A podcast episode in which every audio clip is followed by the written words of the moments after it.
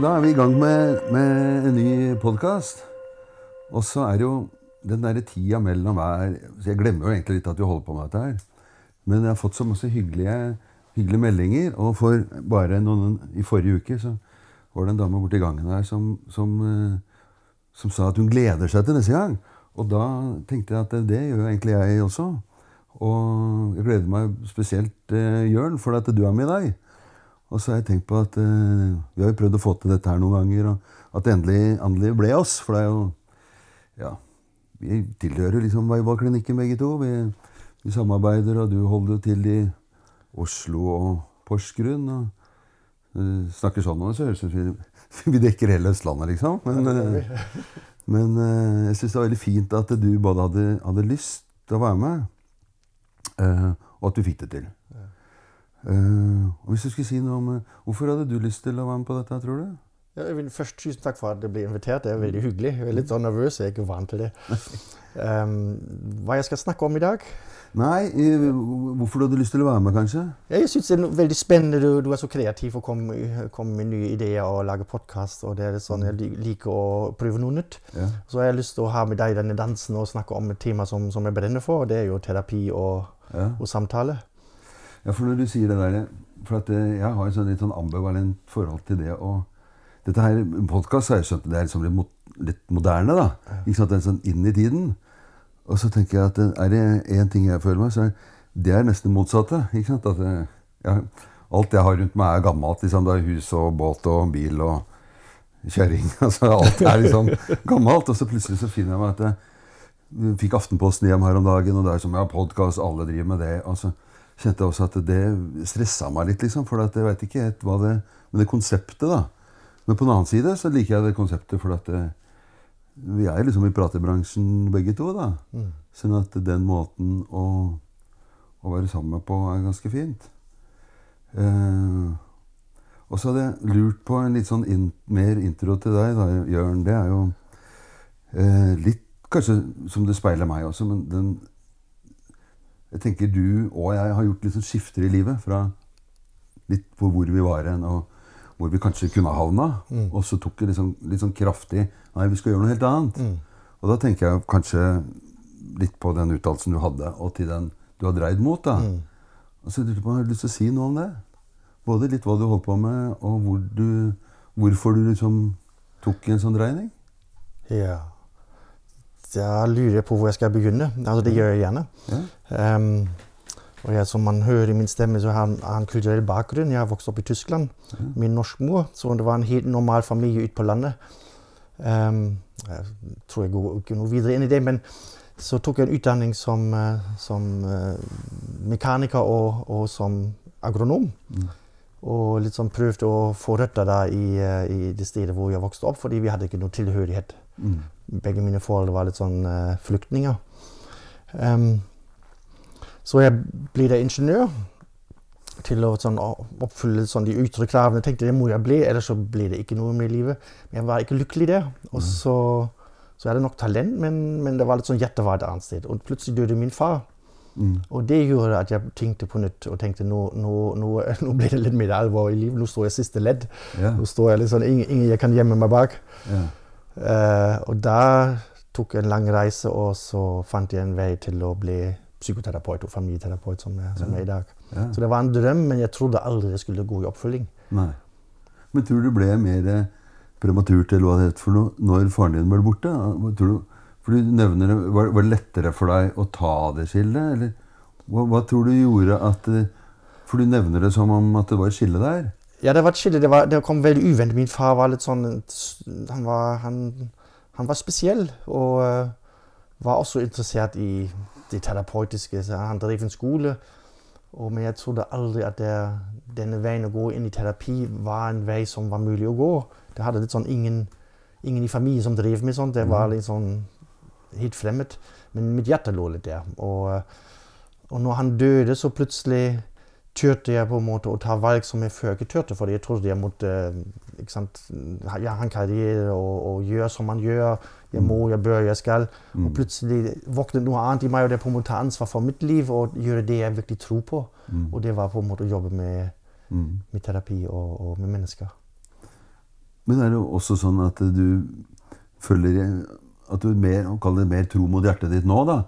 Altså etter du begynte å ta det er et ganske stort valg å være agronom og mekaniker. og liksom hatt, ikke sant? Altså et stort skifte. Det er mye skole og mye ting som man kanskje må ta. Og, men tenker du fremdeles at, eh, at du er god på å, å følge hjertet, som du kaller det?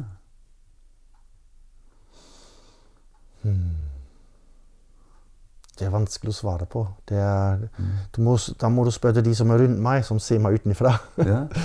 Det nå, nå gjør jeg det jeg gjør, ikke sant? Og, og jeg er glad, glad i det. Og, og, jeg er veldig glad i å treffe mennesker og, og på en måte ta del i de historiene og kanskje hjelpe folk å leve, leve litt mer fritt, som, som, jeg også har opplevd jeg gjør, jeg gjør gjennom på en måte jeg gjorde det skiftet den gang. Mhm. Altså Leve litt mer det livet jeg, jeg kan stå for, og som jeg tror på, og som jeg trives med, som, som gjør meg lykkelig. Mm. Men hvis du skulle gått i beina til noen av de som kjenner deg godt, da, hva tror du de Du har en datter, blant annet. ikke sant? Du har jo noen andre som du kunne liksom Hva tror du de ville sagt om Jørn hvis det Tja, det er, kan være så mangt. Um, Jeg tenkte mangt om deg, men om, i forhold til uh, Jørn eller pappa følger hjertet sitt? ja, ja, ja, ja, jeg, har, jeg har fem søsken, Ja. og jeg tror alle, alle har litt sånn veldig respekt for det at jeg gjorde det, og, og ser at jeg får det til, og at, det, at, det at, eh, at jeg selv er kanskje mer enn meg selv. Ja. Jeg tror det er mange som, som har stor respekt for det, og, og kanskje hadde også ønsket seg jeg hadde kjørt det. I, når den ja, for de anerkjenner annerledesheten din? Ja. De har ikke dratt deg inn i hva du driver med nå, eller tenkt deg hvor du kunne nådd med det andre, eller Du har følt deg liksom fri i valgene dine, da, fra, det, de fra sikkert- deres side? De har sikkert tenkt underveis, men hva driver han nå på? Altså, hva, Ja. hva, hva gjør han nå? Det, det er helt uforståelig. Kaste bort sånn fin utdanning som han hadde fra før, som ingeniør og sivilingeniør. Um, men nå ser de jeg, hvordan det har gått, og jeg tror, tror jeg får mye respekt for det. Mm. Mm, mye anerkjennelse. Mm. Tenker du at du Har angra noen gang? Ja, det er en side i meg som, som også kan angre på det er det økonom, den økonomiske tryggheten, kanskje. Jeg hadde som, som ingeniør denne, i den bransjen som jeg var, hadde tjent mye mye mer penger. Jeg hadde vært økonomisk mer fri og, mm. og, og um, trygg. Mm. Og, og som i den bransjen nå, vi, vi tjener jo ikke så mye penger, det går rundt. Mm. Eh, så den delen savner jeg litt, men, men eh, jeg har egentlig ikke noe valg. Altså, jeg hadde ikke vært lykkelig da, tror jeg. Og jeg hadde, hadde betalt en dyr pris for, for det. Og det kosta, deg mer enn det pengene du fikk inn, for å si det sånn? Ja, ja. Mm. Mm. Mm. Ja. Det der med at du sier at du er sånn flerkulturell, eller at du er flyktninger, har du lyst til å si noe om det? Hvordan, hvordan eh, Altså, du Høres ut som du har liksom bodd flere steder, både i Tyskland og i Norge, og kanskje andre steder òg. Hva er det som gjorde at du liksom havna Havna, holdt jeg på å si, i Norge? Nei, at jeg havna i Norge har jeg med det å gjøre at min mor er norsk. Og jeg har vært mye som, som barn i Norge. Så det var en drøm at jeg, at jeg En drøm en gang å bo i Norge, lære meg norsk ordentlig. Eh, og når jeg var, jeg var gift i Tyskland, og når, når det, denne, det ekteskapet gikk i oppløsning, så som, som den gang var vanskelig, men så våkna også den drømmen med å bo i Norge. Mm. Så da, da, da tok jeg spranget og tenkte jeg prøve noen år og se hvordan det går. Da, ja, og nå er det 25 år siden, som, siden jeg flytta. Ja. Så det, ja, det, sånn ble det til. Ja. ja.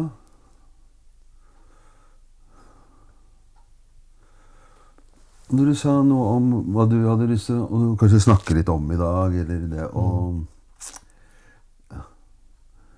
Jeg tenker jo at det er liksom en overskrift i, i, som jeg ønsker å tenke på, at det er, altså det er den dialogiske samtalen. Da, ikke sant? Hvordan, den, hvordan den skrider fram, og hvordan man liksom holder seg i det. Og, og hva tenker du om eh, jeg håper å si, Hva tenker du om det? Den dialogiske samtalen er egentlig et helt fantastisk verktøy. Mm. Det hadde jeg ønsket meg Jeg hadde vokst opp i denne tradisjonen som barn, hvor man kunne snakke dialogisk og høre på hverandre med respekt og, og, og nysgjerrighet. Og jeg vokste opp i en, eh, en kontekst hvor jeg, følte, hvor jeg følte meg fremmed. Jeg hadde ikke noen røtter i det stedet. Min far var ikke fra der, min mor var ikke fra der. Eh, min far drev skole, og alle andre var bønder eller altså drev gård eller hadde jobbet på en militærbase som var i nærheten. Så jeg følte meg alltid annerledes. Jeg passet liksom ikke inn, men jeg skjønte ikke hvorfor. Jeg trodde, jeg, jeg trodde det var noe, kanskje noe gærent med meg. Ja. Fordi alt, det, hos oss var alt annerledes enn enn hos alle andre. Um, men nå, nå holder jeg på å miste tråden. Hva, hva var spørsmålet ditt? Mm. Nei, liksom hva i det dialogiske? Ja, nettopp. Så, så Ja, det er en tråd, men det var jo mye ja. Ja. Det dialogiske, det, dialogiske det, det fine med det er at, at du kan på en måte utforske ting og undre deg uten at alt er definert og på en måte at sannhet er etablert. Så den gangen var jeg litt sånn um, Jeg følte meg Jeg hadde vanskelighet å finne min plass i dette samfunnet hvor jeg vokste opp. Fordi jeg var egentlig fremmed. Uten å visste det. For meg var det bare helt normalt, fordi det var sånn verden var. Jeg kunne ikke se det utenfra. Og først når jeg flytta til England eh, som 30-åring, så oppdaga jeg plutselig at, at jeg så det utenfra. Mm. Og da begynte jeg å skjønne at jeg faktisk jobb, vokste opp eh, i eh, ja, sånn- en slags flyktning, men det ble jo aldri uttalt, så jeg hadde ikke noe begrep for det. Jeg måtte finne ut om, om det selv, fordi ting var bare som de var. Vi hadde ikke noe ord for det. Og i dag som 59-åring så, så ser jeg på en måte at jeg vokste opp i, et helt, i en kontekst som ikke hadde tilhørighet. I tillegg var min far jeg drev min fars skolen på, på stedet, så at jeg hadde en opphøyd stilling samtidig som vi ikke hørte inn der. Så for, for, som barn var det veldig forvirrende å finne, finne min plass. Og, og, og det, det utenforskapet, det, det, har jeg, det har vært et stort tema i mitt liv. Og så i dag ser jeg også det er en gave, fordi du, du står utenfor og kan se ting. Altså du, kan, du, du kan, du kan eh, du kan forstå hvordan ting henger sammen når du står utenfor. Når du er inne, så er ting bare sånn. Du er litt fanget i det. Og når du er uten, utenfor, så blir det litt sånn observatør, og du har en annen mulighet til å navigere og, eh, og, og ta styring i ditt liv. Ja, og det er liksom en kunne tenke meg en måte å være som metaperspektiv. da, ikke sant? Å se inn, altså det å være fra utsiden og så å se inn i, inn i en samtale, inn, Ja. i, inn i Mm. livet. eller Ja. Sånn at det er liksom ganske avgjørende for Mm. å kunne se seg sjøl utenfra, eller se seg selv i større sammenheng. da. For eksempel som kanskje en del av terapi kan være noe sånt nå. Mm, mm. Men det hørtes også litt sånn Kunne du liksom også For du snakker litt om om det er et sånn ståsted, da. Er det liksom, er, det, føler du deg liksom litt på utsiden? Altså, Du snakker om flyktning sant? Nå kommer et land til opp. ikke sant? Altså, du har bodd i tredjeland i hvert fall. Eh, liksom, tenker du at det, Kan du føle deg liksom på utsiden av Jeg vet ikke hva som er på innsiden heller, da. Om det, om det, om det fins heller. Men, men den følelsen av å være utenfor er Ja. ikke nødvendigvis eh, så godt bestandig. Ja, den, den følelsen den, den er en del av mitt liv. Mm. Jeg tenker jeg er utenfor, Også som terapeut er vi litt utenfor. Vi skal hjelpe folk som strever i hverdagen, eller støtte dem og, og, og, hjelpe med å finne bedre løsnings... eh, Eller Mm. bedre måter å løse konflikter på, f.eks. Mm. Og det, gjennom å stå utenfor, så ser vi og har vi evnen til å kanskje se litt klarere enn hvis vi er inne i noe. Mm. Og jeg tenker, og det, det Som terapeut føler jeg det det det det er, det er nesten per definisjon en, et slags utenforskap. Mm. Som er, som er en gave og et, eh, et, et, um, et privileg. Og samtidig kan det være litt ensomt, fordi du blir aldri helt som de andre. Så for eksempel, Når jeg kommer hjem med den dag fra jobben, så har jeg hatt masse dype samtaler som, som er veldig berikende for meg også. Og så kommer jeg hjem, så har jeg egentlig ferdig snakka. Ja. Så jeg er ikke så god i kommunikasjon hjemme, fordi da, da, har jeg lyst til å hvile og, og, og, og kanskje gjøre noe praktisk og noe, Ja. noe annet. Ja, det, akkurat det kjenner jeg meg godt igjen i. Og, og jeg kunne likt at det var noen som hørte på det også. For at man folk kommer liksom hjem, og så Så du skal liksom bidra Ja. der òg. Og skal jeg komme hjem, og liksom, det, er, det er helt fullt, liksom. Jeg har ikke, har ikke et ord til overs. Mm. Eh, og så kunne det også være liksom godt å være i det. Men, men det er jo noen på utsida der også som liksom tenker at eh, her kommer noen hjem som kanskje skal ja, dra dette her videre. Ja. Og jeg kjenner også det der skillet mellom, mellom det praktiske, da. Eh, jeg har en sånn derre En mast i kjelleren. For jeg er en gammel seilbåt, så jeg har en mast i kjelleren. Ja. Og den er jo både irriterende, for han tar ganske mye plass av, av den kjelleren. Eh, men den er også litt fin. For meg, i hvert fall. Fin å ha mast i kjelleren. Det er alt, alle burde ha en masse i kjelleren. Og spikke og lime og holde på litt der. For det er jo den derre å kunne være på et annet sted også, da. Mm. Ja. Mm. Ja, jeg vet ikke hvordan jeg kommer på det, men når du snakker nå, så, så tenker jeg plutselig på- det igjen med utenforskap, med på en måte en, en, en observatørstatus. Og når jeg, når jeg vokste opp som barn, så var, så var min far var veldig glad, eller mine foreldre var veldig glad å dra på ferie. Så vi dro fire ganger i året på ferie. Når det var skoleferie, så dro vi på ferie. Vi tog, alle i bilen og med telt og, og ut i naturen. Og det fine med det var at, at når vi var på ferie, så var det var litt sånn slags um, ja, jeg vet ikke hva man skal kalle det. Mine forhold var annerledes. De var avslappet. Det var en slags sånn, frihet som ellers ikke var i hverdagslivet. Så vi kunne bare dingle med beina. Vi kunne, gjøre, vi- vi kunne bare leke ved stranda. Eller, det, sånn, det, var en, det var en frihet der som gjorde på en måte at, at jeg hadde lyst til å komme tilbake til, hverdag, til den vanlige verden etterpå. Mm. Altså skole. Jeg kunne glede meg til å komme tilbake til det. Og når jeg var i det, så var jeg egentlig ikke så lykkelig. Jeg var, som barn syntes ikke det var alt, alt så morsomt med skole og alle sånne ting. Jeg trivdes ikke noe særlig der. Men når jeg var på ferie, så på en måte litt sånn Det var også litt sånn om vi tok en kunstig utenforskap. Mm. Til å, og da kunne jeg se på, tilbake til venner og liv og skole og sånn. Og kunne glede meg å komme tilbake til det. Kunne se de gode tingene som jeg ikke så i hverdagen når jeg var der. Mm. Ja, og det er vel kanskje det der uten, du kaller det utenforskap, eller det derre og Jeg tenker jo det, og det er vanskelig å se hva man har, ikke sant. Så Mm. Noen ganger så bruker jeg liksom alle burde ha litt kreft innimellom, ikke sant. Sånn at, Ja. det- ja, og, og jeg tenker at det, går bra, men at man blir minnet på hva er det faktisk har. Ja. Og det er litt sånn skuffende, for å si det sånn, da, at det, det kan være vanskelig å holde det oppe, da. Mm. Og jeg tenker altså, jeg holdt på å daue et par ganger, og det er jo noe av, noe av det fineste med det, er jo liksom at det, Oi, nå var det nære på. Sånn at liksom, du holder deg i hvert fall der i noen uker. Mm. Og tenker at oi, så fint. Mm. Men det er jo også det å kunne liksom Ikke la det være en sånn karamell som du bare suger på, da, som blir borte, liksom. Men at det er eh, Ja. Holde, holde det litt i hverdagen, da. Mm. Mm. Eh, ja. Og det er jo Jeg tenker jo det fine med liksom utroskap og kreft og blakk eller mista jobben Det er jo også liksom at det, er jo alltid kontraster til alt her i verden. mm. Men at jeg tror at mye av livet vårt er så liksom strømlinjeforma og, og, og så vanedannende. Og at vi liksom glemmer at vi kan miste hverandre, eller at det er bare her og nå, eller eh, Ja. Det kommer litt sånn eksistensielle spørsmål inn. Ja. Mm. Og jeg husker en situasjon hvor jeg var jeg jobbet i ambulante team i, eh, i bydel Sogn i Oslo. Mm. Og var ute og på, på besøk hos um, ja, brukere, som vi kalte det. Mm. Og, og så kjørte jeg på Ring 3, og så plutselig holdt jeg på å kjøre bi forbi tre biler som kjørte veldig langsomt. Og det var tre begravelsesbiler som kjørte langsomt på Ring 3. Mm. Og da gikk jeg bare i bremsene. Og jeg bare hasta fra den ene avtalen til den neste avtalen. Og plutselig Da turte jeg ikke kjøre forbi. Jeg tenkte, den, det, og det gikk av meg sånn, sånn støkk. Mm.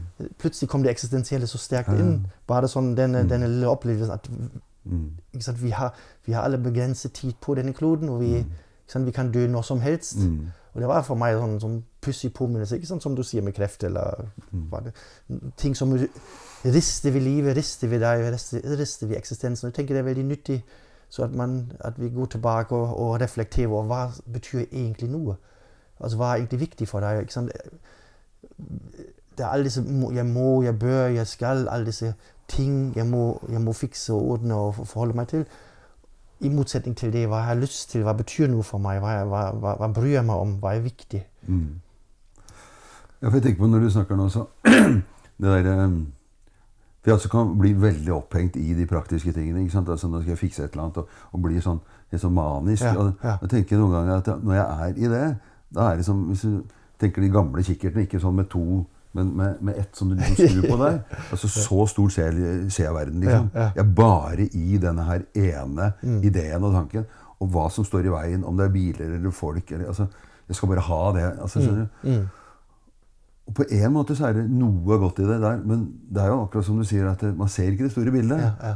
Og jeg tror det er fint liksom, når du sier at når jeg kommer hjem fra jobben, så har jeg ikke flere ord igjen. Så det er fint å gjøre det. Så at man vet liksom at det er litt sånn terapi.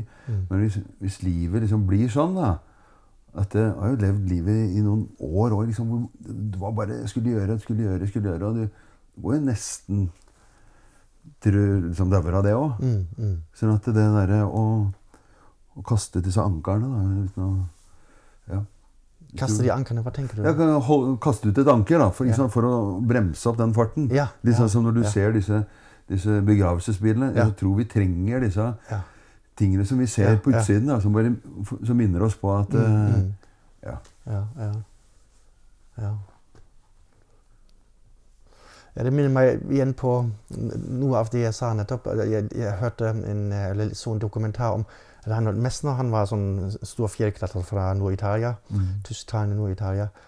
Uh, og han, han fortalte så om sin barndom, og det minner meg litt på min. at når de var barn, for Faren var lærer, og de vokste opp i den dalige i Alpene.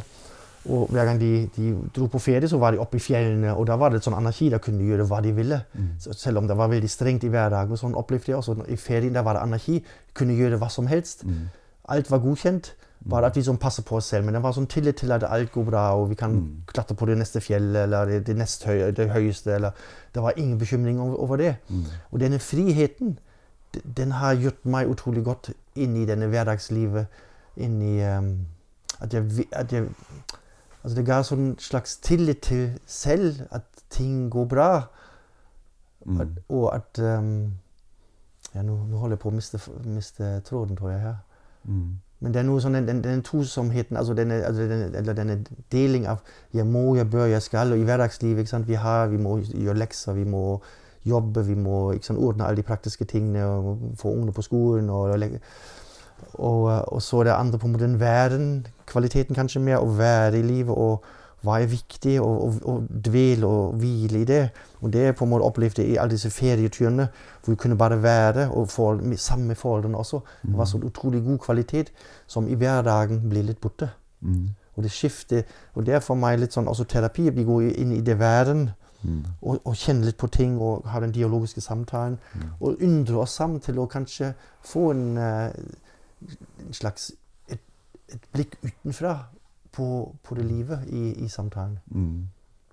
Når du sa det med det anarkiet, da. Ikke Ja. Altså, alt er lov. Og, Mm. og jeg tenker jo at det, altså en, en idé med, med anarkien, uten at jeg, eh, at jeg kan så mye om det, er jo en idé om at det vil gå bra. Mm. Sånn at det, for at det må og skal og det, det er jo en tanke om at det ikke går bra.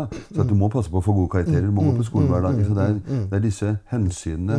Og det er en, med disse hensynene kunne man tenkt at det på å si, gåsehudet bare er for å være god på skolen. Men det er også, jeg tror det sniker seg en sånn idé om at det er litt farlig.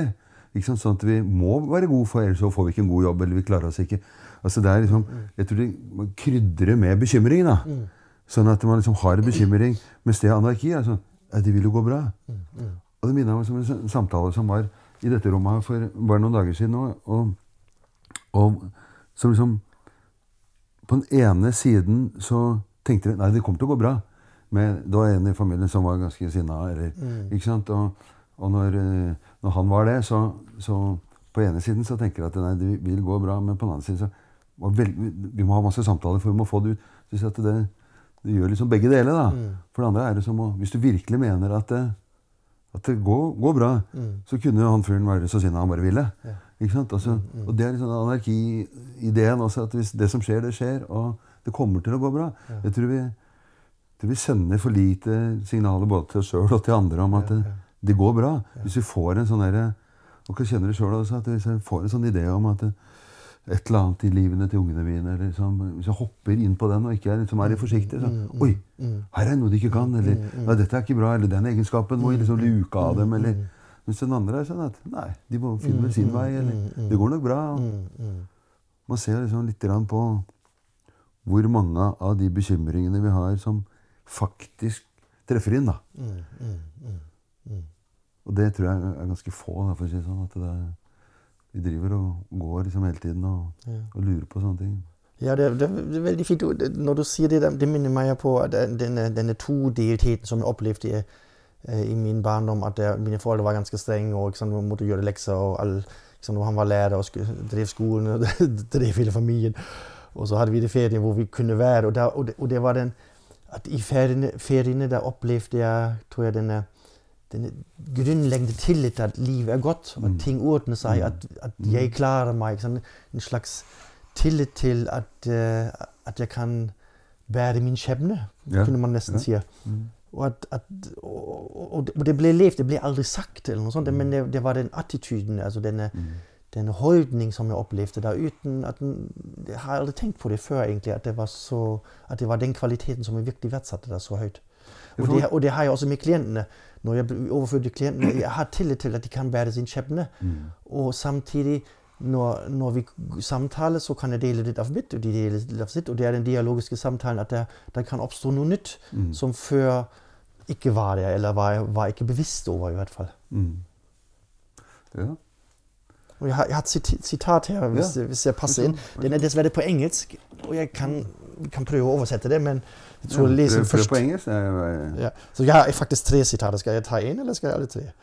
Hva tenker Du du? kan ta en av gangen, i hvert fall. Ta én om gangen. Ok. Ja, kanskje vi tar én om gangen? Vi tar alle tre? Hvis, og det er fra en som eh, Jeg har en kollega i England som har vært buddy med en kjent uh, psykolog i England som var veldig stor i 70 på 70-80-tallet. Uh, og det var Ronny Lang. Og Ronny Lang var sånn høy stjerne den gangen. Og det er alle tre sitatene er fra ham. Og det er Insanity, a perfectly rational adjustment to an insane world. Altså craziness, altså galskap, er en perfekt tilpasning til en gal verden. Mm.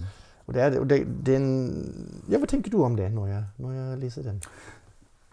Jeg tenkte først på noe av, det, noe av det første du sa når du kom her.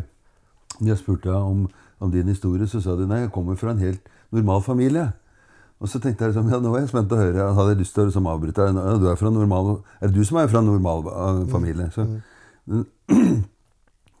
så det slo meg liksom til at, det, at hvis du definerer eh, crazy eller normal, så er det liksom ja, Fins det, liksom? Ja. Eh, så, så jeg tenker også at det Ja. For hvis noe skal være galskap, så jeg tenker det, det er jo en måte å, å Kanskje om det ikke fantes galskap. ikke sant? Altså, da var jo galskap som var det normale. da. Mm. Eller noen kikka inn i familien deres og tenkte rista på huet. Her er det mye galskap, liksom. Ja. Så det er liksom defini definisjonen, men jeg vet ikke helt hva det eh, betyr heller. Men det er jo Jeg liker jo liksom det derre crazinesset, da. Altså hvis man ikke ser det som det, men ser det som en stemme til, til noe annet. Ja. Ikke sant? Altså, for eksempel eh, sinne. Ikke sant? Altså, Mm. jeg tenker at sinne har eh, et sånn ufortjent dårlig rykte, da. Mm. For at, eh, at eh, hvis det kommer sinne inn i et rom, så Jeg tenker at Når du snakker om det dialogiske, da, så er jo i det dialogiske så liker jeg et ord som er nysgjerrighet. For at jeg tror nysgjerrighet, da finner vi ting som vi ikke veit var der. Mm. Så at det er en sånn ingrediens for å drive med det dialogiske.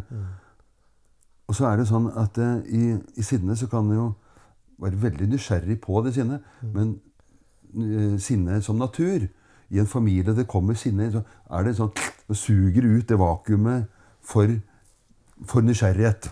Og kanskje for alle de andre. For det, er liksom, det er plass til én, Ja. og det er han eller hun som er sint. Ja, og, ja. og da mister man jo Og jeg tror at noen ganger så må man inn i sånne rom som dette her for å virkelig være nysgjerrig på Mm. f.eks. det som har så dårlig rykte. Sinne. For at jeg tenker det er jo en helt lik følelse som glede eller sorg eller Mm, tristhet eller bekymrethet eller hva nå disse hetene heter for noe. Mm. Uh, og, og, og så var det en som sa her også at det, han brukte jo sånn for det, litt, litt sånn beskrev han eh, som jeg snakket om, som, som var sint. Og så, og så sier han eh, faren ja, hvor kommer Er det noen andre som er sint? Ja, så ser kona sier, ja, du kan jo være litt sint. Ja, sier han, men ja, er det sånn? Og jeg har ikke lyst til å, å liksom påvirke det, men, men jeg har jo sånn velmenende sinne, sa han. Og så tenkte jeg velmenende sinne. Ja, det, det kunne jeg ønske at noen så på mitt sinne noen gang på også. ja, spennende. For det er veldig sjelden at man har et, et ondskapsfullt sinne. Ikke sant? Det er på et eller annet nivå så er det velmenende også når vi oppfører oss på sånne måter som vi absolutt ikke skal gjøre. Så har vi den. Men det er nesten, nesten umulig å få tak i den hvis vi ikke blir i det som kanskje du og jeg kaller det dialogiske. Vi må snakke veldig veldig sakte, og en får lov til å snakke av gangen. Og vi må liksom få gnudd på hva var det du tenkte når du gjorde, og hva tenkte de nå? Og, og hvis du skulle sagt det på nytt enn det som du sa da, når du var så sint, hvordan skulle du si det nå? Og så videre og så videre. og så videre. Grave og grave, grave inn i det. Og det Ja. Vel sinne. Det var spennende. Ja, Det er et paradoks. ja, ikke sant? Det er nesten litt craziness. Ja, det er litt craziness. Det er sånn, og jeg tenker det, I det øyeblikk hvor du blir sint, du gjør deg veldig sårbar. Du, liksom, du avslører noe av deg som, man, ikke- som ikke er helt sånn IR4. Det er litt sånn utenfor det vanlige. Og så, du gir noe, ikke sant? men det er kanskje vanskelig å ta det imot siden det blir så kraftig. Det blir sånn sterkt, sterkt uttrykk. Ja, og så er det jo liksom det å For da er det jo Jeg tenker at Da kan man se på sinne uten fordommer. ikke sant? Jeg tenker at man har en fordom, og det er der jeg mener kommer inn det der, at det er dårlig rykte. ikke sant? Man tenker at det er noe som ikke skal skje. Jeg skal jo ikke bli sint. Jeg må ikke bli sint når jeg kommer hjem. Eller barna mine blir redde for det. Altså, ikke sant? Det er så mye av det. Men jeg likte også måten han sa det på. Og for at det var liksom sånn, en litt oppvåkning for seg sjøl, tror jeg. Også, men det å sette negative ting i en ny ramme, det er liksom det beste jeg vet. For da går det liksom fra det ene der til Ja. Ja. Se, nå, far, nå får vi litt sånn velmenende sinne her. Ja. Altså, hvis man liksom kunne levd etter det, da. Så tror jeg at man hadde forstått mye av det på, på litt andre måter. Nettopp. Ja, det, det kom opp for meg da at jeg, jeg liker å, å si det det er viktig å anerkjenne det som er. Og, og da mener jeg ikke å akseptere det som er, men anerkjenne det som er. Og når jeg anerkjenner at det er, han har et sinne, så, så, så er det ikke positivt eller negativt, det er bare et uttrykk. Og så kan man undre seg hva det egentlig betyr. Ja. Så kan man prøve å utforske det istedenfor å bli redd og på en måte gå i forsvar og, og gjemme seg. Eller, Ja. eller, eller miste ordene sine. Ja, men hvis, eh, hvordan tror du du er til å eh, takle sinne eh, Kanskje ikke i samtaler, men i privatlivet ditt.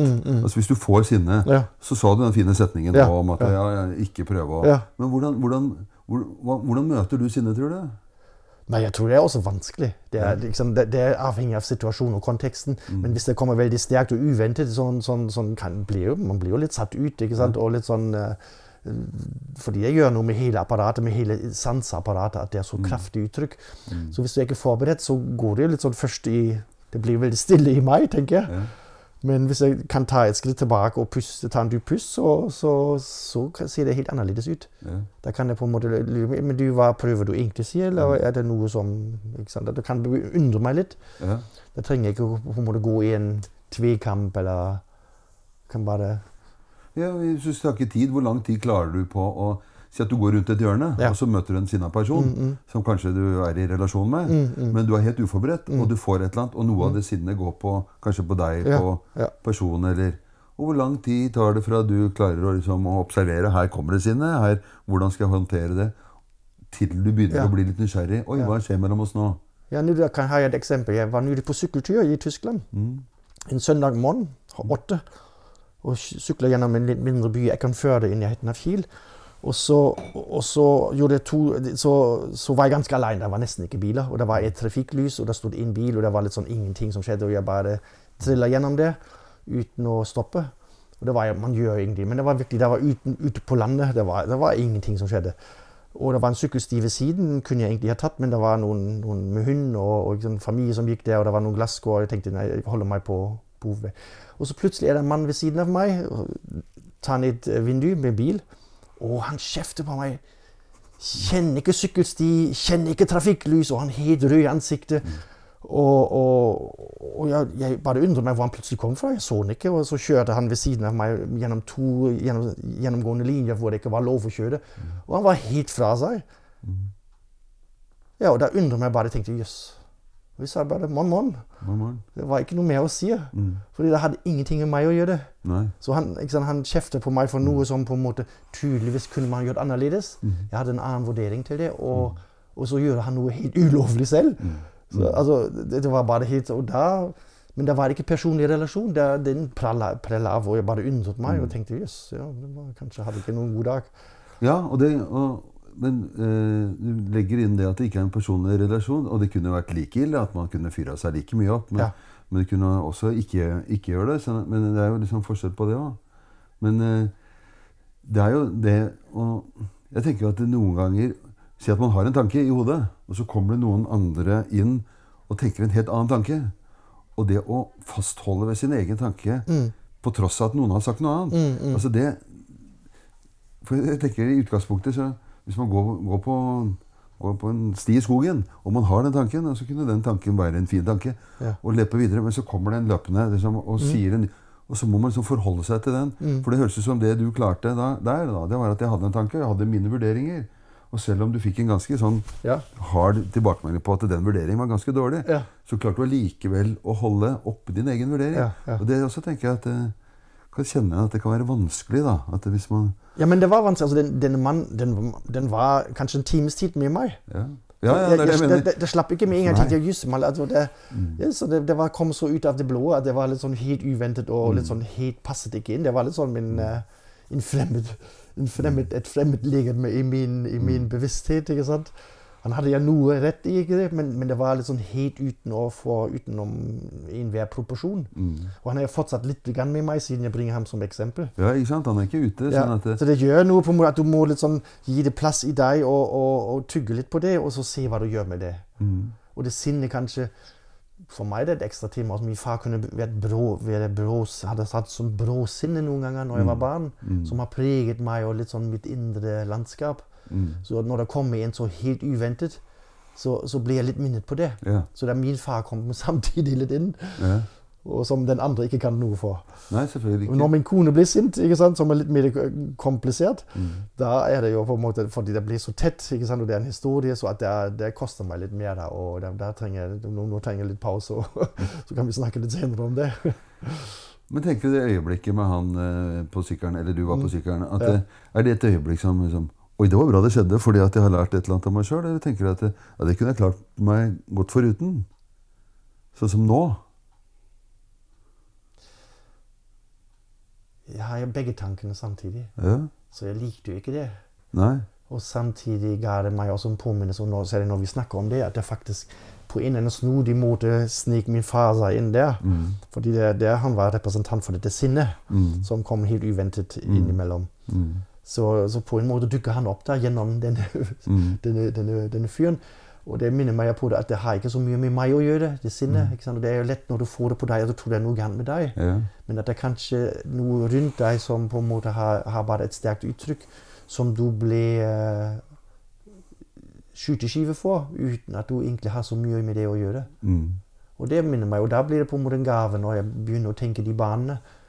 At det er på en måte en, en um, Jeg blir utsatt for noe, men det, det har ikke med meg å gjøre. Så neste gang, eller hvis jeg er mer bevisst på det, så kan jeg Så blir jeg ikke tatt så mye av det, men kan heller spørre du eh, hva, hva har skjedd med deg i dag?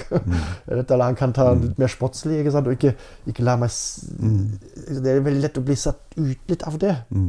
Istedenfor det på en måte å stå i ditt senter og, og bare Jøss, ja, men du hva, hva, hva, kan jeg hjelpe deg med? ja, ja, hva, var det? Ikke sant? At man kan undre Så du tenker at det, det gjorde deg at du kanskje ved en lignende anledning så har du en ny erfaring som kunne gjøre at du jeg tenker at du blir litt tryggere av det? Ja, ja, ja, Ja. Og I denne sammenheng var det jeg så utenfor proporsjonen at det var helt tydelig at det ikke hadde med meg å gjøre. egentlig. Ja, så du, hvis man liksom kan danne selvsikkerhet eller selvtillit Mm. eller hva det heter for noe, så tenker du at da, da fikk jeg en liten dose med det i møte med han. Mm, Så nå er jeg litt tryggere i, i livet, selv om det var ubehagelig. Ja. Og måten jeg prosesserte eller hva det heter for noe, Ja, ja, har gjort at eh, Ja. Mm, mm, det det. det, Så det. du må sykle tilbake og takke han. eh, Jeg kan sende ham en liten takk her på, på ja. Kanskje han hører på oss. Mm. Mm. Ja. ja, for det er jo litt det også, det å kunne Som vi også har snakka om, det der med å sette ting i nye perspektiver. da, at Mm. Og det å kunne ja, tenker liksom på Alt fra Sto plutselig utro på den der, der ikke sant? Altså, Mm. all, ting som liksom tilsynelatende ikke sant, er det verste, verste som har skjedd. Ikke sant? Jeg har jo par som har gått her også, som liksom sier at eh, ja, det var, det var det vondeste for oss begge, liksom. Men det, det, uten det så hadde det det hadde gått til helvete uansett utroskap eller ikke. Men fordi det kommer inn der, og måten vi vet det på, så gjør at det, Mm. vi blir mer levende. da. Altså det, det, var, det var liksom nyttig å, å gå i det. Ikke at liksom, man skal oppfordre til at man må ha det vondt for å ha det godt, men det er liksom Jeg tror ikke vi gjør så mye endringer hvis vi ikke må. Hvis, det, ser, hvis det ser ut som Nei, går ikke dette fint, da? Ja. Så tror jeg ikke vi må. Mm, mm. Som en kompis av meg sier at I don't want to go there. Han skal ikke inn i noen ting som har med relasjoner eller noen ting å gjøre. Mm, For at det, ser ut som det går helt fint. mm, Og når jeg ser på han, så ja, det ser ut som han vil klare det helt fint. mm. Ikke sant? Men det er jo ikke alle som har så, er så tjukkhuda, eller Ja. hva nå han er, som, som klarer å gjøre det. da. Mm. Eh, Men eh, jeg tror liksom dessverre det Det er ikke, det er ikke alle som gjør det, men mange kan kjenne meg litt igjen i det. At jeg, jeg gjør ikke før jeg må, liksom. Eller Eller vet ikke. Ja, ja, ja. Det er, det og det er jo kanskje en kunst og, og en, en evne og et talent å kunne bruke seg av sånne ytre Av de tingene som skjer rundt oss, som treffer oss så hardt. Mm. Um, um, og, og la oss berøre av det, og så, og så prøve å å gå i relasjon med dem til å vokse. Mm. Og jeg tenker også Når du snakker om utroskap, fine, jeg tenker på det fine diktet fra Andre Bjerke som, eh, som sier du skal, du skal være tro. Og Nå husker jeg ikke hele diktet, men det, det, kjernen av det for meg er at um, At du skal også eh, ja, Nå husker jeg ikke teksten, men, men innholdet var omtrent sånn at eh, Hva er verre, å være tro mot din partner eller være tro være utro mot deg selv? Mm. Ikke sant? Den utroskapen mot oss selv den er jo like ille. Det er bare den, eh, den vi, det, det vi ikke som et ut, sånn ytre sånn, altså, det- Det blir ikke så tydelig, det litt mer subtil. Mm. Altså når vi, når vi er utro mot det, det jeg har lyst til, det jeg vil, det som er viktig for meg, det jeg brenner for, det jeg lengter etter. Ikke? Hvis jeg ikke tar hensyn til det, er jeg jo også utro. Mm. Så jeg tenker utroskapsbegrepet er egentlig mye større enn vi vanligvis tenker. Mm. Ja, absolutt. Absolutt. Og jeg tenker jo det der med eh, eh, Jeg tror det er en sånn link i det du, du sa. For jeg tenker liksom det å, å gå, gå og snakke med noen, eller det at um, Jeg går også og snakker med noen, og, men det er liksom også på en sånn regular basis. altså Det er ikke sånn at nå må jeg ha dritt, så nå skal jeg gå og snakke med noen. Mm. Altså jeg går og snakker med noen, og Hvis jeg har det dritt, så snakker jeg om det. Hvis jeg har andre ting å snakke, så snakker jeg om det. Og noen ganger så introduserer jeg også det. Liksom, skal, skal du ha en time til eller ikke? Mm. Eller noen kommer og sier Nei, i dag hadde jeg tenkt jeg bare tull at jeg kommer hit, for jeg har det så fint. Ja. Så man, Å nei, det må, det må vi ikke snakke om for all del, liksom. Ja, ja. Og der tenker jeg Det er kanskje litt om hvordan vi, vi snakker om det å eh, og, For nå tror jeg jeg snakker om det å ta tak i ting eller ikke. ikke sant? Altså, hvis man ikke tar tak i ting Nei, det er ikke så ille. Mm. Jeg har ikke så ille at jeg må ha en time hos Jørn. Liksom. Mm. Jeg må ha det litt verre først. Mm. Det er en annen måte enn å tenke at eh, alle har behov for å prate. Ja. Og hvis man da bare prater om litt andre ting, så Man må ikke, må ikke ha det vondt for å måtte ha behov, da, for å si det sånn. Mm. Mm. Men jeg tror at vi liksom ja, Man går ikke til fysioterapeuten før det er skikkelig vondt. Eller man går ikke til terapeuten Mm. og, Mm. Mm. hvis ikke det er skikkelig på Mm. Jeg tror ganske få som kommer sier når, når skulle dere ha kommet? Ah, vi skulle vært her for lenge siden, vet du. Ja. Ja. Mm. Ikke sant? At det, og det tror jeg også at det er jo annerledes å rydde opp i, i forhold. Hun som ringte meg i dag tidlig, som sier at nå ja, vi må prøve dette her. Jeg har aldri prøvd det før. Men uh, bare, så, vi- bare så vidt du veit det, det står 20 års ekteskap på spill. Ja. Liksom, ja, ja, ok, vi får, Mm. Mm. velkommen. Vi får se åssen det går, da. Men Mm, mm. fint at dere tar kontakt, liksom. Altså, Ja, ja. jeg vet jo ikke om jeg mente at vi skulle ha gjort det for 20 år siden, men Ja. ja, det er jo 20 år med historie og 20 år med samliv, 20 år med, mm. med, Mm. med relasjon. Det, det, er jo, det er jo veldig mye som, som, som de bringer med der. Mm. Um, jeg hadde et dikt til. Jeg lurer på om det passer, Ja. passer inn her. Um, eller dikt er et sitat. Uh, nå har jeg som sagt jeg har tre. Får se om vi tar den um, Jeg tror jeg tar den, den, den tredje her. ja. Og er, den er litt sånn veldig enkelt og vanskelig å få litt under huden, fordi det er litt sånn kompleks. Mm. Uh, og det er på engelsk. The range of what we think and do is limited but what we fail to notice. The range of what we think and do is limited by what we fail to notice. Mm. Because we fail to notice that we fail to notice, there's little we can do to change. Mm. Gjenta det. And because we fail to notice what we fail to notice, there's little we can do to change. Until we notice how failing to notice shapes our thoughts and deeds. Ja. Det er, det er Hvis litt du tenker- innviklet. Ja. Hvis du tenker, hvorfor, eh, hvorfor plukka du det ut? Eller hvor treffer det deg igjen? Ja. Det treffer meg da at på en måte vi blir styr... Alle de tingene som er ubevisst i vårt liv, de har en tendens for å styre oss. Fordi de har ikke oversikt over. Jeg tenker det noen ganger på et isfjell. Som vi var to isfjell som snakket med hverandre. Og så kolliderer de der nede under vann. Da har de litt sånn, da, da, da, da, kom, da, da er det en liten da kommer de i berøring med hverandre, og oppe prøver de, og opp på vannoverflaten prøver, de, prøver vi å snakke med hverandre. Men det, det som er under vann, det som er ubevisst, Mm. det er egentlig med, men vi har ikke ord for det. Mm. Vi har ikke bevissthet over at det er noe. Mm. Så at i det øyeblikk hvor vi, hvor vi blir mer bevisst hva som egentlig skjer på underflaten, de, alle de tingene som vi har ikke ord for, Mm. så får vi nye muligheter. Og jeg har muligens et eksempel for det. Um, når, jeg, når jeg var der i 20-årene, så jeg visste ikke helt hva jeg skulle gjøre i livet. Var litt sånn, uh, var på søken. Og jeg vokste opp i det samfunnet som jeg fant ikke Jeg skjønte ikke kodene fordi vi kom fra en annen kontekst enn en de vanlige. Så giftet jeg meg inn i en bondefamilie og drev gård. Og når jeg drev den gården da, eh, og det var, det var veldig spennende og min, min far var jo, han var jo forferdet. Han syntes det var helt grusomt. og Jeg visste ikke hva jeg gjorde. og Gifte seg i en gård. Han visste hvor vanskelig sånne dynamikker er. Og da oppdaget jeg en ting som veldig preget meg. Altså det ene var veldig fint. Jeg følte jeg fikk røtter. Jeg fikk litt sånn kontakt med den kulturen som var der hvor vi vokste opp. Mm. Men de hadde et helt annet verdisystem enn den familien jeg kom fra. Ja. Da var det på, på gården var det sånn du, Den som jobbet mest, hadde høy status. Hadde mest penger, hadde høy status fordi det sikret gården, sikret gården for generasjonene. Så det var veldig, det var veldig viktig på gården. Mm. I min lærerfamilie var det viktig med frihet, dannelse, lese, Mm.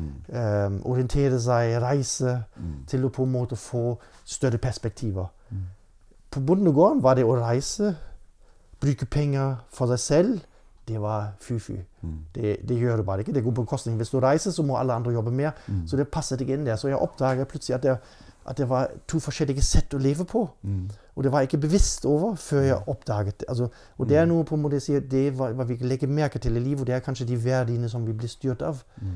De, eh, de preger vårt liv. Men i det øyeblikk hvor vi bevisst, blir bevisst over det, så får vi et valg. Mm. Er det egentlig jeg har lyst til å drive gård, eller har jeg på en måte Eller, eller hva vil jeg gjøre? Det, Mm. altså, jeg, kan, kan, eh, jeg har på en måte mer en, et, et perspektiv utenfra som gjør meg ny, gir meg nye muligheter til å velge muligens annerledes i Mm. livet. Gjør, det noe mening hva jeg sier? Ja, absolutt. Jeg var bare nysgjerrig. Mm? Eh, For jeg ble, ble veldig nysgjerrig på eh, eh, hvordan det var å, å ha med seg de to årene. Det var Mm. liksom det eneste, Mm. ene. Og det andre eh, var jo også eh, Når oppdaget du det? Eller altså, var det imens du var på denne gården, eller var det sånn i senere tid at det var vanskelig for meg på, fordi Eller tror du du oppdaget det der òg? Jeg oppdaget det, at det var noe som, som var komplisert. Mm. Som var helt uforståelig for meg. Som Mm. var eh, rart. Mm. Jeg hadde ikke ord for det. Mm. Så jeg tror jeg hadde en formening om noe av det, men jeg skjønte det egentlig ikke- før etterpå. Før jeg, før jeg hadde det litt på avstand. Ja, for nå, når du snakker om det nå, så beskriver du deg sjøl at da, eh, eh, da var du veldig i, Ja. i det det var. Ja. For du har beskrevet deg en Ja. sånn utenfor-fyr. Mm. Mens da var du inni det og ikke oppdaget det. Sånn at det var en periode da i livet ditt hvor du hadde gått inn i det og ikke så dette her før, før seinere. Ja, ja, ja absolutt. Og, og, jeg, og det er forskjellige kvaliteter i de forskjellige kulturene. Jeg tenkte når jeg var drev den gården, det var utrolig kraftfullt. Vi var forbundet med jorda, vi var, hadde røttene. det, altså det var en sånn stolthet over arbeidet, og det man fikk til. Og man kunne være kreativ, man kunne ha en plan og sette det ut i livet. og altså Virkelig utrolig um, kraftfull opplevelse. Og det, og det hadde veldig mye med tilhørighet å gjøre. At man var til, man hørte til. Mm. Og vi var sammen, felles i det. Det var en sånn veldig sånn eh, Ja, tilhørighet var veldig viktig. I den lærerfamilien hvor jeg kom fra, det er mer viktig med um, frihet Mm. og utfoldelse, ekspansjon. Og, så det var, ja, det, men det så jeg ikke før etterpå. Men hvis du tenker nå eh, Vi, ti- tipper at det er noe fint i begge kaller verdener. Da. mm, det det. Men kjente du det? Likte du liksom det tilhørigheten, samholdet? Eh, eller traff det deg fordi verdiene dine var på et annet sted, liksom? At, eh, hvor blir det? Ja, det, det er jo dilemmaet. Jeg likte begge deler. Ja, det ligger begge deler? Ja. Ja. Det er helt fantastisk med den tilhørigheten og den samhold. Og det gjør vi sammen. Vi står sammen i det. Mm. Og samtidig på en måte er det også begrensende, fordi så snart du gjør noe annerledes, så er det litt sånn Så faller du litt ut av det. Mm. Så blir du litt sånn uh, um, Får du kritikk, i hvert fall. Ja, men lurer på, Ble du rastløs av det? Det- Og dette var fint og trygghet, og, og, ikke sant? og vi er på lag og ikke sant? sånn fellesskapsfølelse, og det er vi mot dem, eller et eller annet. ikke sant? Skulle dyrke litt av men, Oi, men hvor ble det av friheten min? Eller hvor ble det av den akademiske innfallsvinkelen her? Eller hvordan blir liksom boklesningen, eller hvilke bøker skal vi lese? Altså, ble det sånn dilemma for deg? Eller? Det ble et dilemma. Ja, det ble et dilemma. Det ble et dilemma, ja. Ja. Så jeg har lyst til å ha begge deler i livet, og det er kanskje et dilemma. Å ha den tilhørigheten, ikke sant, være, være en del av noe større, og samtidig binde det deg på en måte at du blir begrenset i din utfoldelse, i de tingene kanskje du drømmer om. Men tenker du at de, de verdenene ah, de er forskjellige? Altså. Eller tenker du at de kan man liksom forene? Altså kunne du Begge deler. De er veldig forskjellige, og så kan man jo forene dem. Kan, liksom, du har din familie, der har du en tilhørighet, og så kan du allikevel eh, kanskje ikke så, være så opptatt at du skal, skal skape verdier som skal holde i flere generasjoner til å trygge livet for alle generasjoner som kommer etter. Kanskje en tillit til det at de finner sin vei. Men det høres ikke ut som du er på den bondegården fremdeles? Ikke- nei. Nei. Nei. Sånn at et eller annet har skjedd? Ja. Men tenker du at det, det var det vi snakker om nå, som var med på at det skjedde? Altså, Det ble kulturkrasj, for å si det sånn? Ja, ja, det ble kulturkrasj, og det var for meg en lengsel til å høre til, fordi jeg var så utenfor når jeg var barn. Og det jeg tror uten at jeg visste hva, jeg, hva det var, så var det en sånn lengsel etter å forstå denne kulturen og være en del av det, til jeg fant ut at jeg ble også for begrensende. Sånn, når, når du snakker om denne utenforskapen, Ja. når, eh, når og hvor tror du du er når du føler deg minst utenfor? Når jeg er inni meg selv, når jeg må virkelig føle meg hjemme i meg selv. Ja. Og hva betyr det? Når jeg, når jeg er inni meg selv? Altså, Jeg er på en måte at det er kontakt med mine, mine, med mine følelser, med min indre verden. At jeg er i kontakt, virkelig kontakt med meg selv. Da, da kjenner jeg ikke utenforskap. Liksom når, eller, når vi har den samtalen, dialogiske samtalen, så, da føler jeg meg også hjemme. Yeah. Liksom. Da er jeg i kontakt. Det er egentlig samme i familien. Når vi har god kontakt og, og snakker godt sammen, så, så kan jeg være hvor som helst. Det spiller egentlig ingen rolle. Nei. Eller ikke så stor rolle da. Ja, det er ikke geografi som gjør at Nei. du føler deg hjemme, for å si det sånn. Nei, det er, det er relasjonen. Det er relasjonen, mm. og når du er inni deg selv. Men hvis du sier at eh, Hva gjør du for å, for å føle deg hjemme, da, for å si det sånn? Jeg har gode relasjoner. Jeg har gode relasjoner. ta vare på dem. Ja.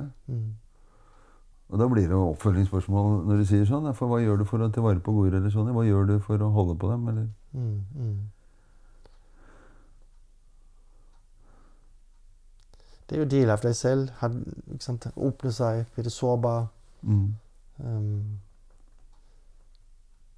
jeg har ikke noe bedre ord for det akkurat nå, men den type samtale som vi har nå, en slags åpenhet hvor, man, hvor, jeg, hvor jeg kan være meg selv og, og stå i min, uh, min usikkerhet, f.eks. Mm. Men ikke viten. At jeg ikke får alt til, Mm.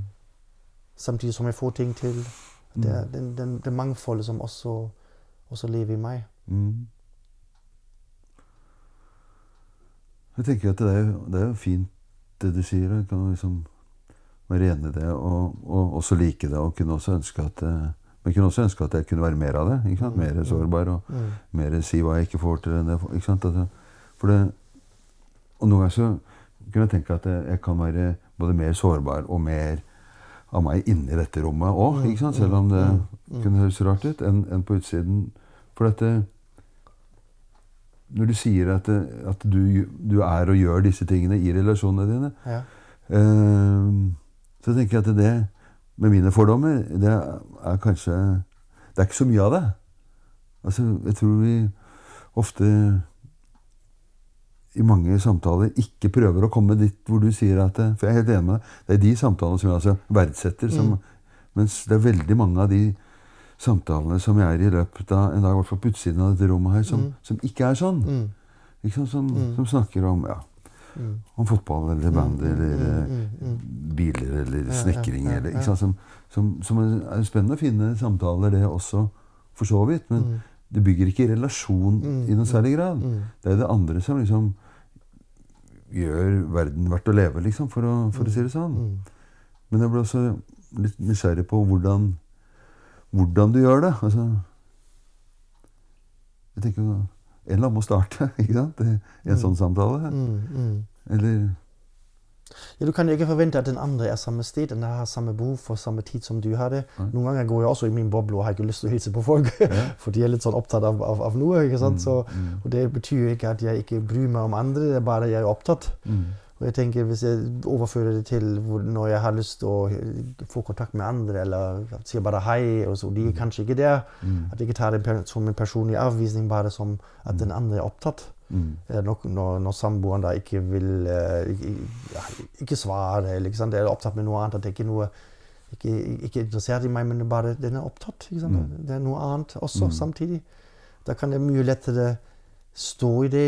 Og, og, og, og leve med det. Mm. Tar meg ikke så alvorlig hele tiden. Og du ikke tar deg selv så alvorlig. Ja.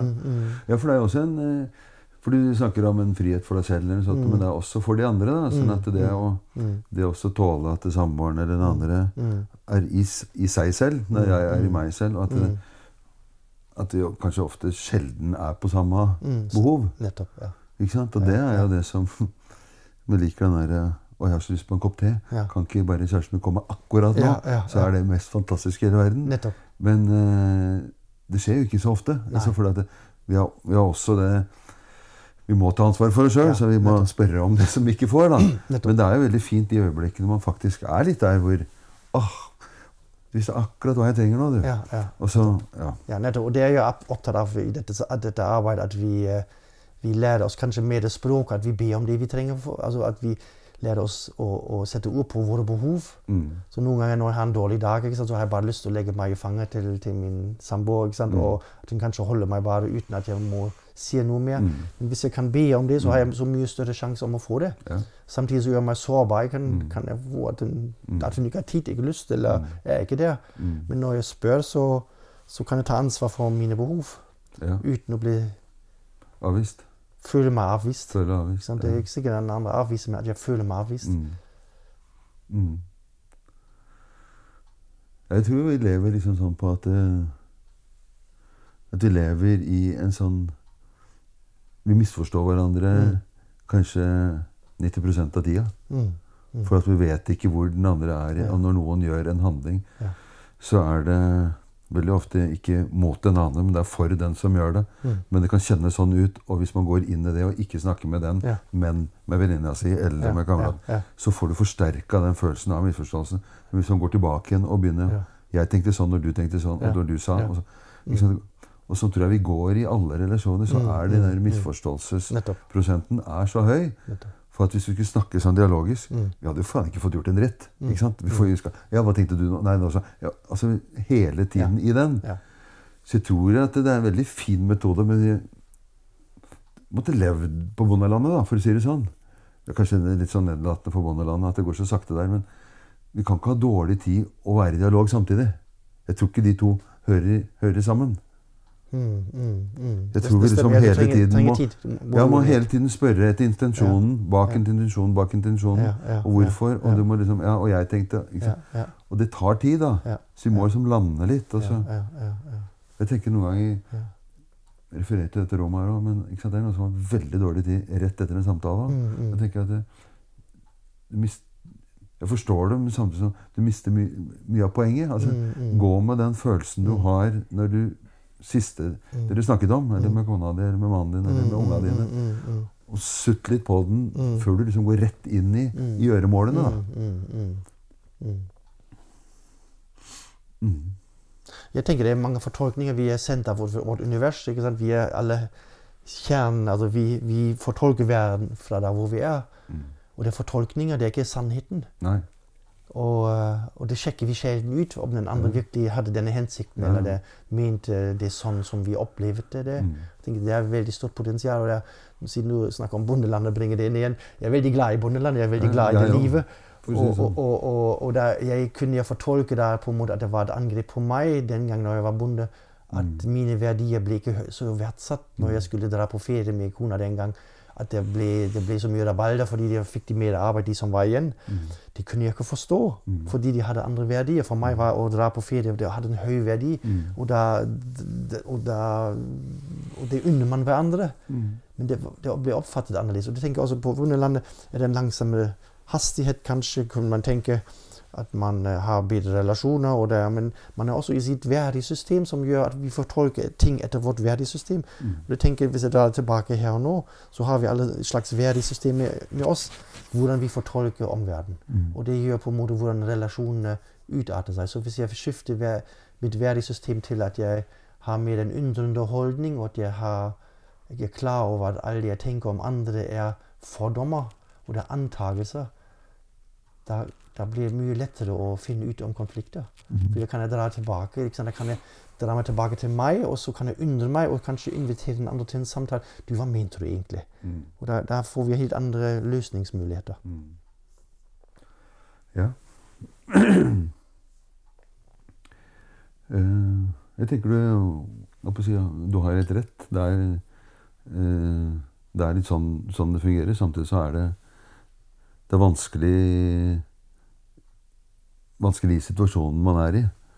Um, og jeg tenker jo Det var en sånn link til noen andre som, som hadde snakket om liksom det der med om, om folk som er terapeuter, da, som vi skal kalle oss. liksom At, at uh, er vi mindre i konflikter eller klokere eller bedre foreldre? Liksom? For at kunne tenke deg så, så gjennomveileda. da? Du har hatt masse veiledning. Og? Sånn, og, og, så jeg tenkte så mye på det etter etter vi liksom var i en samtale og snakka om det også. at eh, Og for min egen del så Nei, selvfølgelig ikke. Altså, jeg er like dust som alle andre som er dust, liksom. Eller eh, jeg er meg, da. Og noen ganger kan jeg være veldig veldig flau over det, og noen ganger kan jeg være ganske stolt av det. Og så er det liksom hele den pendelen. Men jeg tenker jo også litt at det, Det er litt dumt å innrømme det, men jeg tror jeg veit litt mer enn kanskje de som ikke har sånne typer jobber, om hva det som skjer. Så det jeg kan også arrestere meg, selv om jeg ikke alltid sier det. så kan han arrestere meg. Øyvind, det var du som starta. Det er ikke sikkert jeg har tenkt å si det til kona mi akkurat nå, men det var deg. Mm? Sånn at det, Der er den kunnskapen, mens hun eller kanskje andre er mer i seg sjøl og ikke oppdager alle de tingene. Men jeg kan vite at å, jeg er så spente bein på deg der. Og så er det du som ikke vet helt hva som skjer. Og så tenker jeg at det er noe som eh, på godt og vondt er å ha med seg da, ved å holde på med dette her også. Men jeg tror ikke man skal forledes av at, eh, at terapeuter er noe bedre mennesker enn noen andre, for å si det sånn. Nei. nei. Vi har kanskje mer, mer kompetanse og erfaring med relasjoner. Og, og, eh, og har dypere innsikt i det, siden vi har brukt så mye tid på å, å, å jobbe med det. Men vi er ikke, det, det betyr ikke at vi er bedre i hverdagen. Nei, absolutt ikke. Ja. Men vi er, kanskje på en god dag er vi riktig gode, og på normale dager er vi kanskje som alle andre. Ja. Jeg syns det var veldig fint å ha deg ja. i, holdt si, studio. Ja, takk. Jeg, jeg hadde et siste spørsmål Ja, til deg. et spørsmål til meg? Ok. Jeg lurte på, hvis du, hvis du skulle bli født igjen, Ja. og hadde samme bevissthet og på en måte du har all den kompetansen som du har nå, hva, hva hadde du gjort med livet? Hva slags yrke hadde du valgt? Ehm,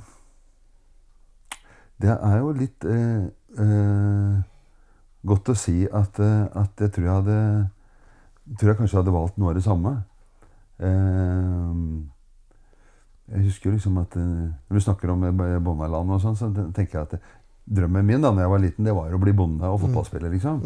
Jeg ble ingen ingen av delene, av gode grunner. Men har jo så jeg har vært veldig nært til det der håndverkgreiene mine. Ja. Eh, selv om jeg ikke er så veldig god håndverker, men jeg liker liksom det å, å holde på med ting som jeg tenker også at det, i hvert fall sånn gamledagse bønder gjorde. Altså det var eh, at du brukte kroppen din. da. Ja.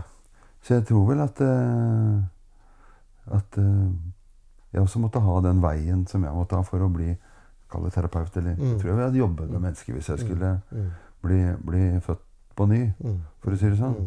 Jeg tror kanskje at jeg ikke hadde gått den veien. Eller på en annen side så tenker jeg at jeg måtte gå den veien òg, for jeg tror at det var mer berikende å være sånn som jeg er ved å, å ta den, den torn med de andre tingene jeg har gjort, enn å skulle være 16 år og gå rett på videregående, gå rett på sosionom eller terapihøyskolen, eller hva det heter for noe. Og så gå rett ut. Jeg tror ikke, jeg hadde, tror ikke det hadde passa meg, for å si det sånn.